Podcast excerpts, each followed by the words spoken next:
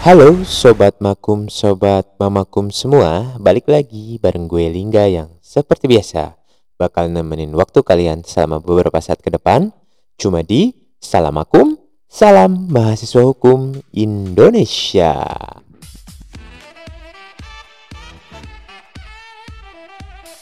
Sobat Makum, Sobat Makum semua eh, Bahasan podcast kali ini bakalan ngebahas mengenai penyalahgunaan keadaan atau dikenal juga dengan misbreak van Omstadik Heden dalam hukum perjanjian.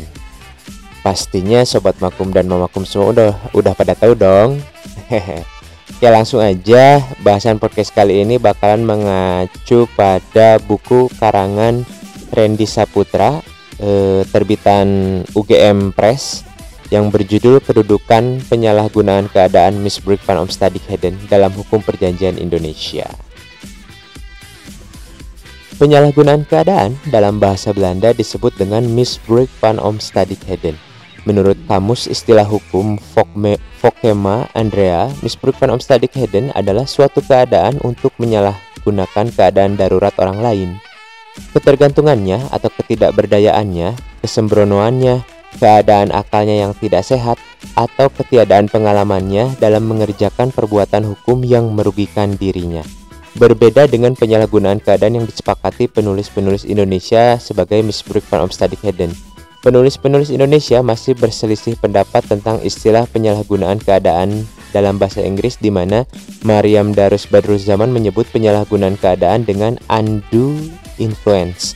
Sedangkan Jasadin Saragi menyebut penyalahgunaan keadaan dengan uncons unconsignability. Unconsignability. Dan Sudikno Mertokusumo mengatakan bila konsisten dengan bahasa Belanda, misbruik van Omstadigheden dalam bahasa Inggris harus disebut dengan abuse of circumstance. Bila ditelaah lebih lanjut, Inggris dan Amerika Serikat mengenal durs, dures ya, e, tulisannya D U R E S S atau D U R E S S atau undue influence serta unconsignability sebagai aturan yang berbeda.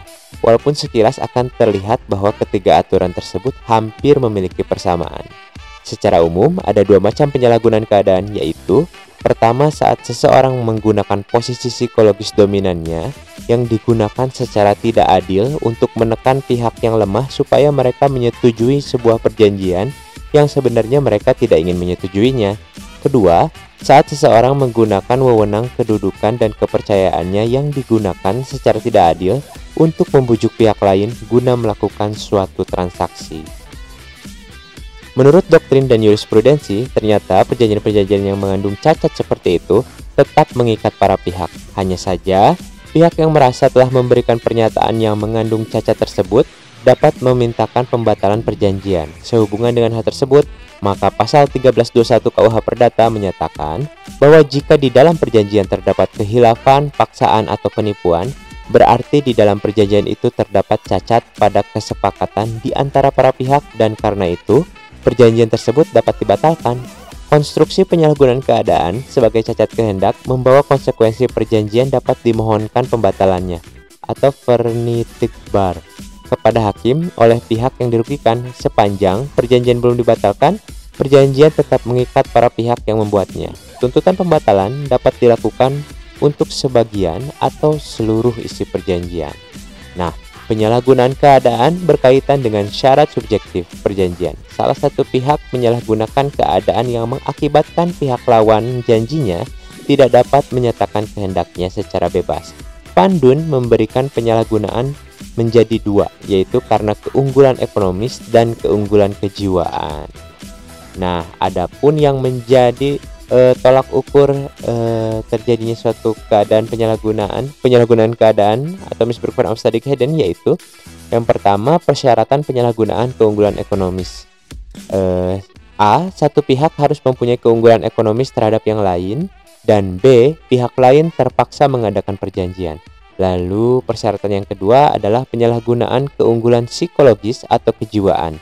A Salah satu pihak menyalahgunakan ketergantungan relatif seperti hubungan kepercayaan istimewa antara orang tua dan anak, suami istri, dokter pasien, pendeta jemaat, dan B. Salah satu pihak menyalahgunakan keadaan jiwa yang istimewa dari pihak lawan, seperti adanya gangguan jiwa, tidak berpengalaman, gegabah, kurang pengetahuan, kondisi badan yang tidak baik, dan sebagainya.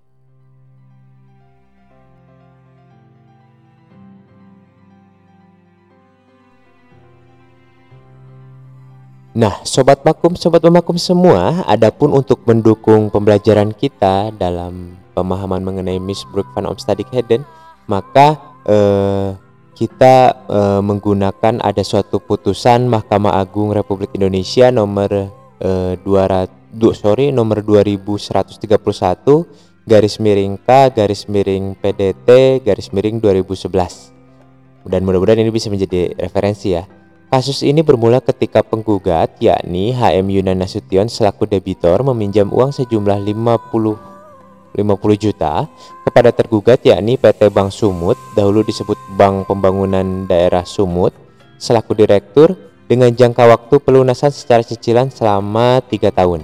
Sebagaimana terurai dalam, perjanji, dalam suatu perjanjian tertanggal 8 April.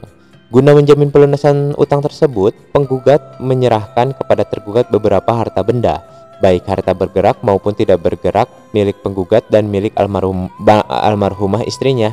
Harta benda yang diserahkan antara lain sebidang tanah dengan sertifikat hak milik, e, nomor 21 dengan seluas sekian atas nama penggugat sendiri, lalu sebidang tanah dengan sertifikat hak milik, Nomor 27 atas nama Samsiah Lubis, istri dari almarhum istri dari penggugat dan sebidang tanah seluas 10.000 meter persegi atas nama penggugat. Sebagaimana diuraikan dalam AJB nomor sekian tanggal sekian tahun 94. Sebidang tanah tersebut seluas eh, 1616 eh, meter persegi atas nama penggugat sebidang tanah dan, dan pokoknya eh, penggugat sudah menyerahkan beberapa sertifikat tanah ya.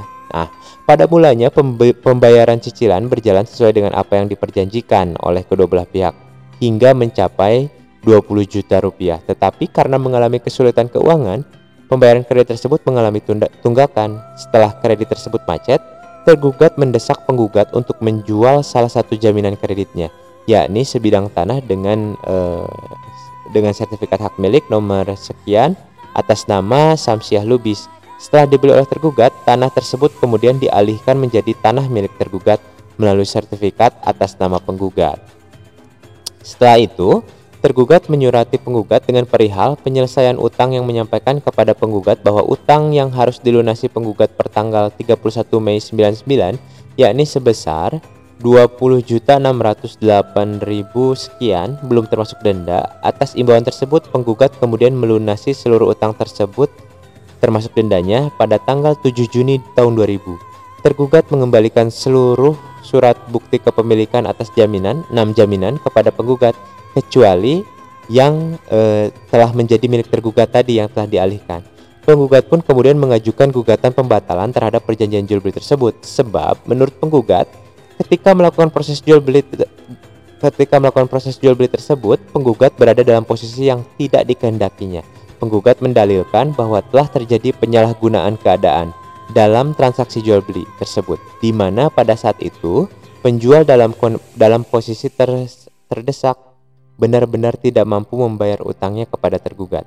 Dalam gugatannya, penggugat menyatakan bahwa dirinya selaku penjual tidak dalam kehendak bebas ketika menentukan sikapnya untuk menjual tanah tersebut sebab posisi penggugat waktu itu dalam keadaan tidak mampu, lemah, depresi, terdesak, serta dalam posisi terjepit utang kepada tergugat. Selain itu, penggugat tidak punya kemampuan mempertimbangkan serta kurangnya pengetahuan dan pemahaman terkait dokumen yang akan ditandatangani, bahwa seharusnya jaminan tersebut tidak boleh dikeluarkan dari jaminan yang lain, kemudian dijual guna menutupi sebagian utang penggugat. Hal ini bertentangan dengan sifat hukum jaminan itu sendiri yakni tidak dapat dibagi-bagi sebagai ketentuan pasal 1163 KUH Perdata dan pasal 2 Undang-Undang 4 tahun 96 tentang hak tanggungan. Selain itu, yang menjadi pembeli adalah tergugat sendiri dengan harga yang sangat rendah serta tidak sesuai prosedur yang berlaku, sehingga penggugat menganggap bahwa tergugat telah melakukan penyalahgunaan keadaan atau misbreak from study hidden. Dalam putusannya, pengadilan negeri menyatakan bahwa perjanjian jual beli antara tergugat dan penggugat tidak sah dan batal demi hukum. Lebih lanjut, di tingkat banding menyatakan bahwa penyalahgunaan keadaan atau misbruik van Omstandikheden merupakan alasan pembatalan perjanjian yang tidak diatur dalam KUH Perdata, tetapi majelis berpendapat bahwa ajaran tersebut bisa ditafsirkan dari pasal 1338 yang menyatakan bahwa suatu perjanjian harus dilaksanakan dengan itikat baik. Misalnya saja apabila kedudukan ekonomi salah satu pihak jauh lebih lemah daripada kedudukan lawannya, tetapi nyatanya pihak yang lemah tadi berada dalam keadaan darurat, sehingga membuat perjanjian. Lalu, Mahkamah Agung dalam pertimbangan putusannya menyatakan bahwa pengadilan tinggi atau judex faksi dalam kewenangannya tidak salah dalam menerapkan hukum. Mahkamah Mahkamah Agung juga menegaskan bahwa perjanjian yang dibuat oleh pihak-pihak yang tidak seimbang secara ekonomi, misalnya keadaan tidak mampu membayar cicilan sehingga tidak mempunyai kebebasan untuk menentukan sikap, merupakan perjanjian yang cacat secara hukum. Oke Sobat Makum dan Sobat Makum semua, itu dia bahasan podcast kali ini yang membahas mengenai misbruik van omstandigheden atau penyalahgunaan keadaan. Semoga menambah nilai manfaat dan wawasan buat Sobat Makum dan Mamakum semua ya. Dan akhir kata gue harus pamit dari edisi podcast kali ini. Sampai jumpa di edisi podcast berikutnya. Cuma di Salam salam mahasiswa hukum Indonesia.